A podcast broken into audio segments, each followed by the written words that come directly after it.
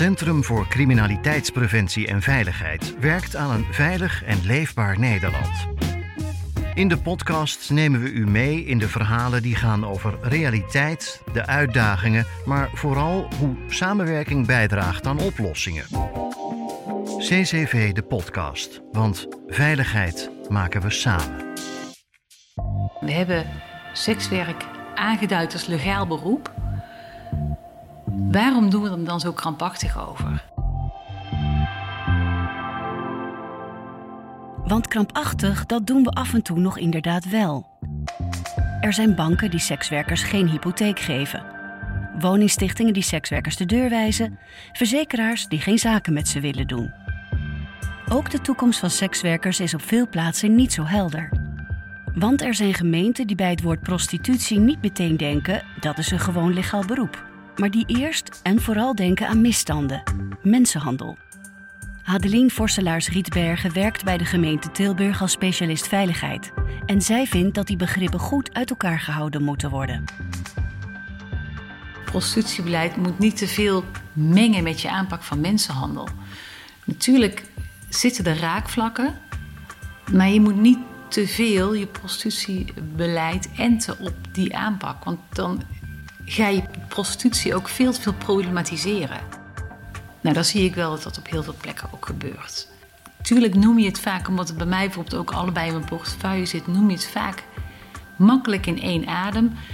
En we moeten het echt scheiden. Het, is echt twee, het zijn echt twee verschillende dingen. Seksuele uitbuiting is altijd prostitutie, en prostitutie is niet altijd seksuele uitbuiting. Welkom bij CCV, de podcast van Centrum voor Criminaliteitspreventie en Veiligheid. Deze eerste serie podcast gaat over de toekomst van thuisprostitutie. Dit is de derde en laatste aflevering over dit onderwerp. Mijn naam is Patty Lou. En oh ja, het is een podcast over sekswerkers. We noemen de dingen gewoon bij de naam. We draaien er niet omheen. Dus dat is natuurlijk niet iets voor kinderen. Adeline Vorselaars-Rietbergen, we hoorden haar zojuist al even. Ze houdt zich in Tilburg onder andere bezig met prostitutiebeleid en mensenhandel. In haar stad is thuisprostitutie toegestaan. Ze ziet ook dat veel andere gemeenten hun beleid tegen het licht houden. Heel veel gemeenten zijn, zijn ook wel bezig. Hè. Dus, er zijn een heleboel gemeenten die wel een uh, accuraat prostitutiebeleid hebben. Er zijn ook gemeenten die nu echt wel een beetje aan het wachten zijn op de nieuwe wetgeving. En wij hebben gezegd, nou daar gaan we niet op wachten. Als het straks nodig is, dan passen we wel wat dingen aan. Maar we, gaan daar niet op wachten. Daar ben ik wel blij want we hebben nu al bijna twee jaar geleden ons beleid vastgesteld. Er zijn gemeenten die duidelijk worstelen met het beleid rond prostitutie. Hoe hou je politieke partijen tevreden met een beleid dat tegelijkertijd ook helder is? En, er zijn ook gemeenten die eigenlijk gewoon zo restrictief mogelijk beleid. Er zijn zelfs gemeenten die zeggen we willen helemaal geen vergunningen voor seksinrichtingen. En wij hebben juist gezegd, we willen eigenlijk. Uh, het is echt niet dat we nou zeggen van we willen de hele stad volbouwen, zeer zeker niet. Um, maar we hebben liever wel vergunningen. Dus we, ook, we zijn ook wel eens met iemand in gesprek gegaan die we ergens hadden aangetroffen in een situatie die niet vergund was en ook niet vergunbaar was op die locatie. Maar wij hebben gezegd van, goh, maar wat jij doet, daar zien we niks mis mee. Alleen op die locatie kan dat gewoon echt niet. Hoe zet je als gemeente de deur open voor iets dat ergens anders over de gemeentegrenzen gewoon niet mag? Voor de gemeente Tilburg begon het met een breed onderzoek naar wat er al was en wat er wel en niet paste bij Tilburg. Ze stelde op basis daarvan vier pijlers op die de basis vormen van hun beleid. Dus hebben we eigenlijk een beleid geformuleerd met, uh, met een aantal verschillende pijlers. Dus we willen uh, misstanden tegengaan, we willen de positie versterken, maar we willen ook een beleid, een, een, gewoon een goed gereguleerde branche. En willen ook het woon- leefklimaat in de stad uh, overeind houden. Dus dat zijn eigenlijk, die, hebben we, die vier dingen hebben we geformuleerd als pijlers voor ons beleid. En we hebben echt wel het tegengaan van misstanden vooraan gezet. En het verbeteren van die positie. In Tilburg kwam een opmerkelijk onderzoek op gang. Onder meer oud-sekswerkers gingen als onderzoeker op pad om te kijken waar de mogelijkheden en de problemen lagen. Uiteindelijk kwam er een beleid uit dat thuisprostitutie onder voorwaarden toestaat. Wat ons beleid ook wel apart maakt, hebben wij thuiswerk bijvoorbeeld toegestaan als het op het eigen BRP-adres is. De achtergrond daarvan was ook de gesprekken die ik daar met handhaving over heb gehad. Uh, over wat zij dan aantreffen en waarbij met name ehm, als wij moeten ingrijpen, wat dat dan is. En dat, dat is eigenlijk nooit op het thuiswerk op het BRP-adres. Daar krijgen wij ook eigenlijk nooit klachten over. Sekswerkers hebben er helemaal geen belang bij dat ze overlast veroorzaken. Zij willen juist gewoon uh, in, in alle rust en alle luwte zeg maar, hun werk doen. Ze hoeven daar geen aandacht voor. En klanten kijken ook wel drie keer uit of ze bij de verkeerde aan gaan bellen. In Tilburg is regelmatig overleg tussen prostituees, handhaving en de gemeente. Dennis is sekswerker vanuit huis. Hij is lid van die klankbordgroep en is regelmatig bij die vergaderingen. Ik denk dat de gemeente Tilburg daarin wel een uh, voorbeeld is voor de uh, rest van de gemeentes. Wij hebben sinds kort ook een uh, klankbordgroep opgericht, waar ik zelf ook lid van ben. Komen elke maand bijeen en één keer in de zoveel tijd sluiten er ook mensen van de gemeente aan, of politie of handhaving. En dan gaan we echt in gesprek met elkaar en dan worden bepaalde casussen besproken en wordt er ook echt naar ons geluisterd van wat is onze invalshoek daarin. En het, het, slaat schijnbaar aan, want er zijn ook al andere gemeenten die interesse getoond hebben in ons model en die willen dat gaan volgen. Dennis vindt dat het toelatingsbeleid van de gemeente Tilburg ervoor zorgt dat mensenhandel wordt tegengegaan. Omdat thuisprostitutie is toegestaan, verdwijnt er niets onder de grond. Sowieso als iets onder de grond gaat, is het onzichtbaar en dan kun je er helemaal niet eh, op handhaven. En uh, door het gewoon, ja, in ieder geval de mogelijkheid te bieden dat het uh, ja, uitgevoerd kan worden, dan um, heb je het in ieder geval in het zicht en um, is het ook makkelijker om te, te handhaven. En wanneer dat je ook gewoon voor jezelf weet van als er handhaving komt, heb ik geen probleem, want het is toegestaan. Dan laat je ook eerder handhaving toe. En uh, ja, zal er ook sneller gewoon zichtbaar worden waar dat handhaving niet toegelaten wordt. En dan kun je daar denk ik gerichter zoeken naar problemen. Dennis voelt zich veilig in zijn werk. Maar veel steun van de politie voelde hij bij een incident niet meteen. Ik heb wel eens te maken gehad met uh, een klant die uh, achteraf niet wilde betalen. En uh, toen heb ik de politie gebeld. En uh, ja, die willen dan gewoon niet komen. Die uh, vragen gewoon uh, op de man af: is er sprake van geweld? nee, dat niet. Nou ja, dan moeten jullie het zelf onderlingen maar zien te regelen. Terwijl ehm, mijn stiefzoon, die is pizzabezorger. En die had laatst, moest die pizza's bezorgen. En uh, die man die uh, de pizza's moest ontvangen, die vond dat hij te lang had moeten wachten op zijn pizza's. Dus die wilde de pizza's niet meer uh, niet, niet, betalen. En toen uh, is er ook de politie gebeld en die stonden binnen vijf minuten op de stoep. Dus ja, schijnbaar worden pizzabezorgers beter beschermd dan prostituees, sekswerkers. Helene Driessen werkt al 22 jaar met prostituees in Amsterdam, onder andere als vertrouwenspersoon. Ook zij ziet dat als er discussie is over prostitutiebeleid, de emoties vaak de overhand hebben in plaats van de werkelijkheid. Ik moet je echt zeggen, ik ken geen onderwerp uh, wat zoveel oproept bij mensen. Of het nou emotie is, of een soort, nou ja, ook een soort angst, hè, of een soort jaloezie. Of er gebeurt van alles met mensen op het moment dat ze het gaan hebben over seks en over sekswerkers. En dat maakt de discussie enorm vertroebeld. Want je hebt het helemaal niet over beleidsmatig wat is het beste voor een groep, uh, uh, voor een, een legaal beroep. Het is meer dat je zit te praten vaak met mensen die iets vinden van een onderwerp, maar dat is op een heel persoonlijk niveau. En daar wil je eigenlijk uit wegblijven. Wij hoeven helemaal niet vanuit emotie uh, beleid te maken rondom sekswerk. Je wil juist dat mensen gewoon heel zakelijk kijken, waar alle sekswerkers recht op hebben.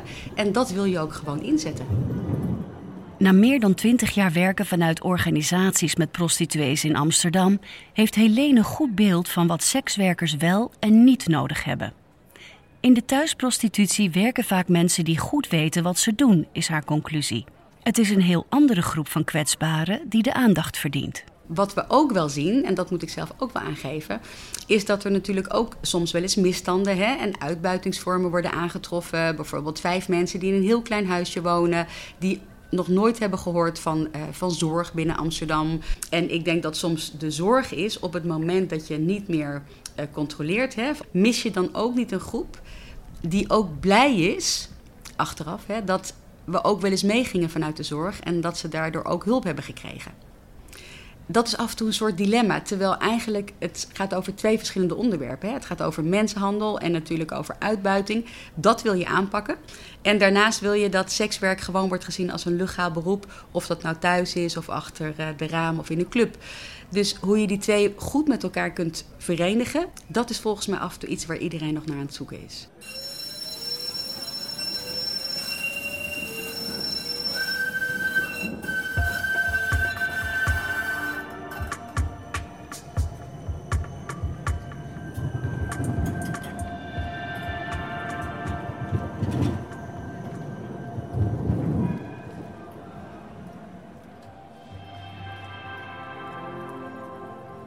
Er is nog iets anders wat we tot nu toe niet benoemd hebben.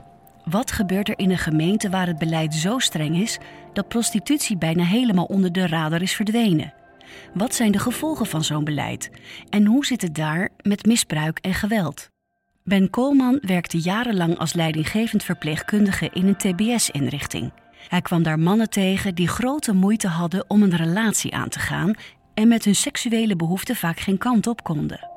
Als er geen prostitutie zou bestaan, zouden die mannen zouden gewoon gevaarlijk worden. En dat is iets zo van, dat is een veel groter risico als door alles te gaan verbieden of te weigeren of anders dingen. Daar ben ik benauwd voor. Ik denk, dat moeten we vooral die kant moeten we echt niet op. Ben Koolman vindt dat de prostitutiezones aan de rand van de stad het voor sekswerkers er niet veiliger op maken. Hij vindt dat gemeenten ervoor moeten zorgen dat sekswerkers veilig hun werk kunnen doen. Ook ex-TBS-klanten zijn de klanten van sekswerkers. Of we dat nu leuk vinden of niet. Een aantal ervan die hadden gewoon zeg maar prostituees vermoord of zoiets van. Die ergens in een kamertje erg achteraf zaten. En uh, als werker daar kreeg je in kleurenfoto's verluchtigd gezien wat ze gedaan hadden. En dat was, dat, daar weet ik niet echt vrolijk van. Zo van, dus, kijk, op een of andere manier, prostitutie moet gewoon veilig zijn. En het moet bereikbaar zijn en het moet uh, gecontroleerd worden en er moet veiligheid moet er rondomheen zitten. Niet ergens ver weg achteraf in een kamertje of zo van. Want dat maakt het gewoon gevaarlijk. Als iemand in een verre buitenwijk zit en niemand weet wat, wat hij of zij doet, dat maakt het gevaarlijk. En ook Helene heeft in de jaren dat zij rond de wallen werkt schrijnende situaties gezien, waarvan ze hoopt dat beleidsmakers ze niet uit het oog verliezen. Ik denk altijd wel hoe minder uh, mensen eromheen zitten, dat het soms ook een gevaarlijk vak kan zijn. Want je maakt natuurlijk ook klanten mee die heel veel agressie zouden kunnen hebben tegen je. En daar waren echt wel jonge meiden aan het werk, die ook eentje was er meegenomen op een nacht naar buiten, hè, dus buiten de tippelzone. Wij zeiden altijd van ja, je moet eigenlijk nooit met klanten meegaan. Hè. Blijf altijd wel in de veilige plek. En zij was drie dagen vastgehouden en zij kwam uiteindelijk uh, terug. En ze hadden echt vreselijke dingen met haar gedaan. Nou, toen hebben we gezorgd dat ze terugging naar haar moeder in Roemenië. En toen belde ze wel eens een half jaar later om te zeggen dat het goed met haar ging. En toen dacht ik van ja, het, het laat je ook zien hoe kwetsbaar sommige meiden zijn. Snap je? Dat is wel echt belangrijk.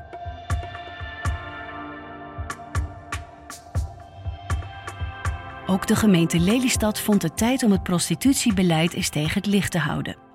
Bij het vaststellen van nieuwe regels werkte de gemeente samen met de mensen die sekswerk als bewust beroep hadden gekozen, zegt Rob de Bie. Hij is adviseur openbare orde en veiligheid in Lelystad. We willen juist ons inzetten hè, om die uh, misstanden aan te pakken en om uh, de positie van die sekswerker uh, te versterken. En met het, met het vorige beleid hè, is dat niet gelukt. Lelystad besloot een systeem in te voeren dat als een van de belangrijkste doelen heeft om de veiligheid van professionele sekswerkers te bewaken. De gemeente ging erover in gesprek met thuisprostituees. We willen graag uh, met jullie in uh, gesprek gaan om te kijken welke wensen uh, jullie hebben ten aanzien van hulpverlening.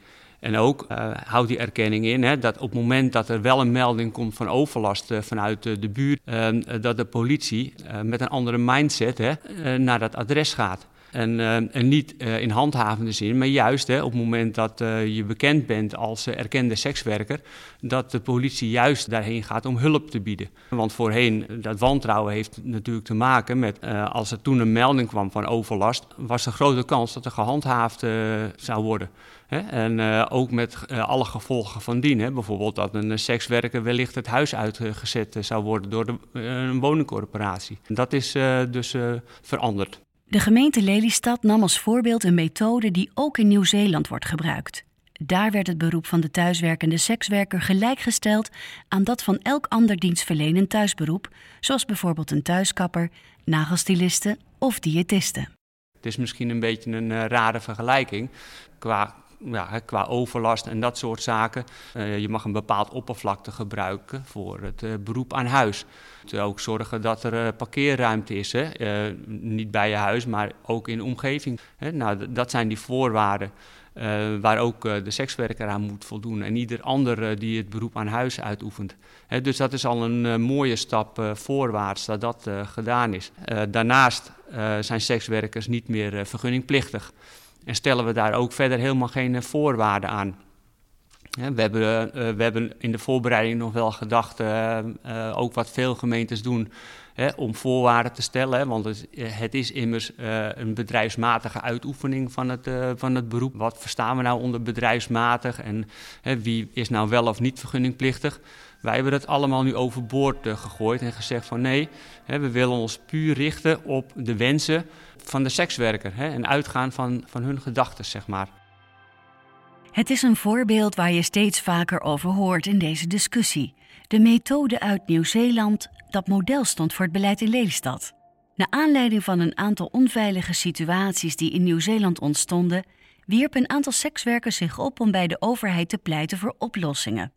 Wat er veranderde was dat Nieuw-Zeeland het verbod op prostitutie afschafte en thuisprostitutie begon te behandelen als elk ander beroep wat je vanuit huis beoefent. Wat Lelystad met dit beleid hoopt te bereiken, is om net als in Nieuw-Zeeland als overheid en als handhavers een veel betere band op te bouwen met de sekswerkers. Sekswerkers vangen, wanneer ze vanuit huis werken, immers meer signalen op, zegt Rob de Bie. Om het wantrouwen bij die sekswerker eh, weg te nemen, hè, zodat zij ook uh, straks uh, in alle vertrouwen ook meldingen kunnen doen eventueel van misstanden. Hè. In ons beleid vragen we dat ook van de exploitanten. De saam samenwerking staat daarin voorop. In Lelystad wordt inmiddels ook een flyer uitgedeeld waarin het erkenningensysteem wordt uitgelegd, maar ook wat precies de voordelen zijn voor de thuisprostituee. Betekent concreet hè, dat uh, verschillende hulpinstanties, maar ook uh, politie, hè, veiligheid kunnen bieden, maar ook hulp kunnen verlenen in de activiteiten van die sekswerker. Dus bijvoorbeeld een GGD kan hulp verlenen maar ook een scharlakenkoord en een terwille. Daar waar eh, er vragen zijn voor, eh, over zorg, over hulp, zeg maar. Maar ook de politie kan eh, veiligheid bieden. overigens is het zo dat de sekswerker zelf bepaalt welke informatie wij met wie kunnen delen. zo staat het ook in de, in de flyer aangegeven. En nogmaals, de erkenning is niet verplicht. ze kunnen zich laten erkennen.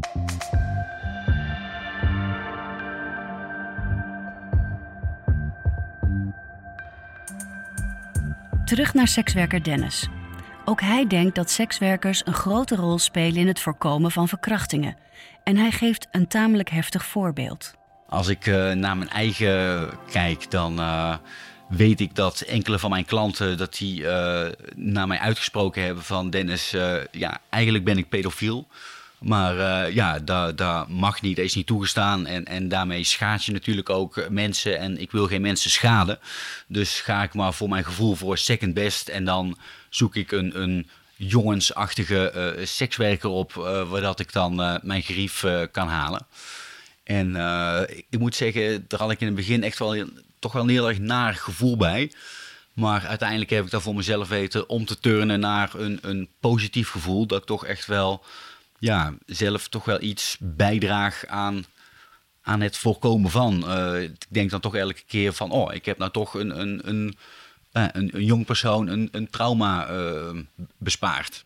Maar de sociale functie van sekswerkers is meer dan dat, zegt Dennis. Hij heeft ook klanten die door hun handicap vaak maar moeilijk in staat zijn om intimiteit en seks te vinden. Ik, ik heb bijvoorbeeld iemand in mijn klantenbestand die is spastisch en die uh, ja, is dus erg beperkt in zijn uh, doen en laten. En uh, ja, de seks zelf, dat stelt natuurlijk niet zoveel voor. Maar ik krijg daar wel zo'n warm gevoel van iedere keer als ik hem de avond van zijn leven heb bezorgd. Want dat is het echt. die legt al zijn geld opzij wat hij kan missen om met mij af te spreken. En dat wordt dan twee, drie keer per jaar of zo. Maar dat is voor hem echt het hoogtepunt. Letterlijk en figuurlijk, ja. Gemeenten die misstanden en sekswerk als legaal beroep uit elkaar willen houden, zullen daar creatieve oplossingen voor nodig hebben. Het is iets waar de politiek, de handhavers en de sekswerkers allemaal mee moeten werken. Maar volgens Ilse Bomaars, specialist mensenhandel van de politie, begint het met vertrouwen. We hebben een project opgestart waarin we nu dus naar die advertenties, zelf advertenties gaan we bellen. Zeggen we gelijk aan de telefoon al, hey, we zijn van de politie. En uh, wij zijn van team mensenhandel en we zijn op zoek naar uh, slachtoffers. We willen eigenlijk graag een keer met, uh, met je in gesprek gaan. Op gewoon een neutrale, een, neutrale locatie. Zou je daarvoor openstaan? En dan heel veel staan natuurlijk niet voor open. Maar dat komt natuurlijk ook omdat het balletje moet gaan rollen natuurlijk. Want moet, ik hoop een beetje mond-op-mond reclame gaat ontstaan onder de sekswerkers. Maar een aantal gesprekken hebben we al, hebben we al zo al gevoerd. En dan kom, kom, je uit tot hele leuke gesprekken. Maar ook tot heel veel verschillende soorten sekswerkers. En de sekswerkers die ik ken vanuit de klankbordgroep zijn natuurlijk uh, hele mondige dames die sterk in de schoenen staan.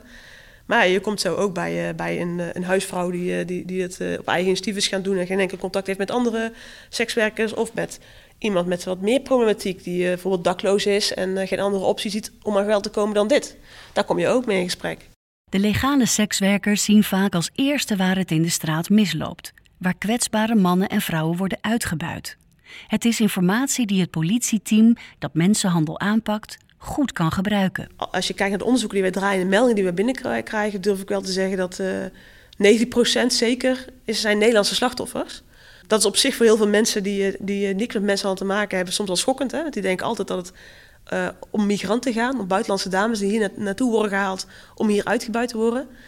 Nou, dat, dat zien wij minder, dat we zien dat het er Nederlandse vrouwen en vaak ook minderjarige meisjes worden uitgebuit. Wat we zien in, uh, met betrekking tot buitenlandse dames met name, maar een eigen kring ook uitgebuit worden. Mogelijk ook minder ehm, zicht hebben op de politie of minder vertrouwen in de politie, omdat in hun thuisland bijvoorbeeld daar geen vertrouwen in is. Vanuit de vluchtelingen gezien hebben wij ook wel wat enkele aangiftes, maar de, wat daaruit komt is vaak dat die uitgebuit zijn in een ander land. Dus of in een thuisland of op de reis naar Nederland, dat ze daar ergens onderweg zijn uitgebuit. De zogeheten carouselprostitutie is een zorg van gemeente en politie. Omdat dit achter gesloten deuren gebeurt, is er moeilijk de vinger achter te krijgen. Wie zijn die mensen die nu zo onder de radar blijven en hoe krijgen handhavers vat op wat daar gebeurt? Ilse Bomaars vertelt over de nare wereld van voortdurend misbruik. En wat je ook ziet, en dat is even de, de, de, de vraag is, is dat, nou, is dat nu mensenhandel of niet? Maar je ziet wel hele grote netwerken met Zuid-Amerikaanse dames. Um, en dat is echt goed georganiseerd binnen Nederland, maar, Nederland, maar ik ga ervan uit binnen heel Europa. En dat noemen we dan ook carouselprostitutie, ook in woningen. En je ziet dat die, die netwerken die dat organiseren, die uh, hebben overal in Nederland eigenlijk uh, huisjes, panden van, van vaak ook kwetsbare mensen die dat dan ter beschikking stellen.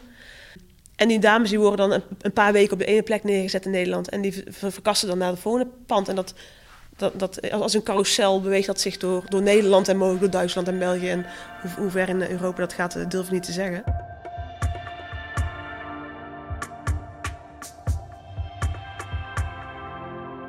Los van de manier waarop je naar sekswerkers kijkt, iedereen zal begrijpen dat het voor de politie lastig is om een voortdurend misbruik van carouselprostitutie aan te pakken als het beleid per gemeente anders is. Ook Helene Driessen van het hulpteam PNG, die prostituees in Amsterdam probeert te ondersteunen, denkt dat helder landelijk beleid de enige oplossing is. Dus op het moment dat in Nederland de ene gemeente um, zegt hè, van nou, thuiswerken mag bij ons. Hè, Tilburg is daar natuurlijk mee bezig, Lelystad en Assen, allemaal op een eigen manier. Dat dat soms ook wel verwarrend is. Hè? Dus eigenlijk wil je gewoon daar een landelijk um, heel duidelijk beleid op. Maar wat vooral voor iedereen heel makkelijk te lezen is. Want op het moment dat jij als burger of als beginnend sekswerker wil weten wat er mag en je gaat zoeken op websites, hè, of van de gemeente of van het PNG. Hè, ik denk dat het nooit ergens helemaal duidelijk staat benoemd wat er landelijk is afgesproken over het wel of niet thuis mogen werken. Want wanneer de angst regeert bij thuiswerkers, gaan de deuren immers op slot. En daarmee verdwijnt een grote groep mensen onder de radar. Want risico nemen om je huis kwijt te raken, dat wil niemand. En al zeker niet in een stad als Amsterdam, zo vertelt Helene. Dat uh, we hier ook wel eens uh, sekswerkers hebben gehad die daar echt over uh, in paniek waren. En eigenlijk gelukkig wel naar overleg met de woningbouwcoöperatie toen in die tijd uh, besloten dat ze gewoon uh, mocht blijven. Maar dat dan mocht ze in ieder geval niet meer adverteren. Dus uh, de zorgen als je in een huurwoning woont, hè, vanuit een woningcoöperatie, en je bent thuiswerker en je wordt gecontroleerd, die stress is denk ik enorm groot bij sekswerkers. Een geluid dat we tijdens het maken van deze podcast vaker hebben gehoord van de sekswerkers zelf. Helene vindt dat de gemeente en de beleidsmakers onderling vooral in gesprek moeten blijven. En daar valt volgens haar nog veel winst te behalen. We hebben natuurlijk ook veel contact met uh, Bellen in Utrecht, uh, de tussenvoorziening. In Den Haag natuurlijk met Shop en Spot. En, en Rotterdam ook Humanitas. En zeker ook natuurlijk met Gooi en Vechtstreek. Daar zit natuurlijk ook de GGD. Dus je bent altijd wel heel erg bezig om te zoeken naar je, naar je, je partners... die natuurlijk daarin heel veel kunnen betekenen. Want de sekswerkers werken... Uh, in Amsterdam, maar ook over de grenzen heen. En dat geldt natuurlijk ook als je in Rotterdam werkt, dan ga je ook wel eens in Amsterdam werken of vice versa. Dus als, als sekswerker ben je heel mobiel. Maar ik denk ook dat je als partners hè, in Nederland ook moet zorgen dat je dat heel goed landelijk uitzet. Landelijk beleid, dat zal van politici in Den Haag moeten komen. En dan bij voorkeur op basis van ervaringen, gesprekken, feiten. Niet zozeer op basis van meningen, veronderstellingen en emoties. En dat zou nog best wel eens een hele klus kunnen worden. Als je de programma's van veel partijen erop naslaat, is één woord dat in elk geval vaak terugkomt: overlast. Volgens Dennis, die als sekswerker in Tilburg vanuit zijn eigen huis werkt, is die overlast meer een veronderstelling dan een feit. Zeker bij thuisprostitutie. Wat voor overlast kan er zijn? Er parkeert hier iemand zijn auto, er stapt iemand uit en er loopt hier iemand naar binnen. Dus ja, in mijn geval uh, spreek ik altijd met uh, de mensen die hier komen af dat ze even bellen als ze geparkeerd staan. En in het ergste geval ben ik nog niet helemaal klaar en moet iemand even vijf minuutjes wachten. Volgens Dennis is overlast vooral iets waar mensen bang voor zijn wanneer ze horen dat iemand een paar huizen verderop begint met thuisprostitutie. In werkelijkheid zal dat volgens hem erg meevallen. Politiek liggen de verhoudingen nu zo dat het er niet naar uitziet dat prostitutie snel verboden wordt. Als politici hun prostitutiebeleid willen laten afhangen van de kans op overlast, lijkt het juist meer voor de hand te liggen dat ze raamprostitutie indammen en thuisprostitutie niet zozeer. Nou ja, als je daar overlast van hebt dat iemand vijf minuten in de auto zit uh, aan straat, ja. En dan daarbij, het is hier ook niet zo zoals raamprostitutie op de wallen. Ik krijg niet uh, tientallen klanten per dag. Het is uh, uitzonderlijk als ik er twee krijg.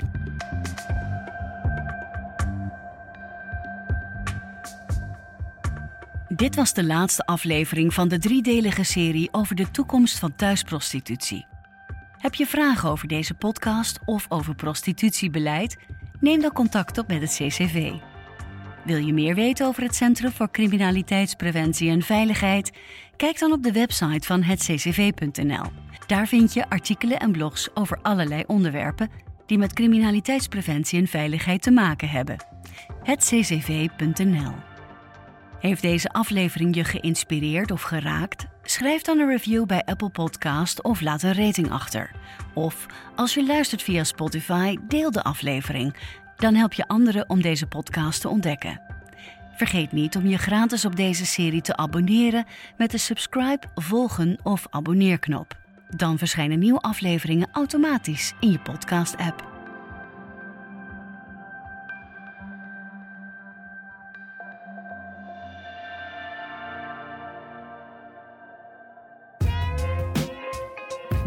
Centrum voor Criminaliteitspreventie en Veiligheid werkt aan een veilig en leefbaar Nederland.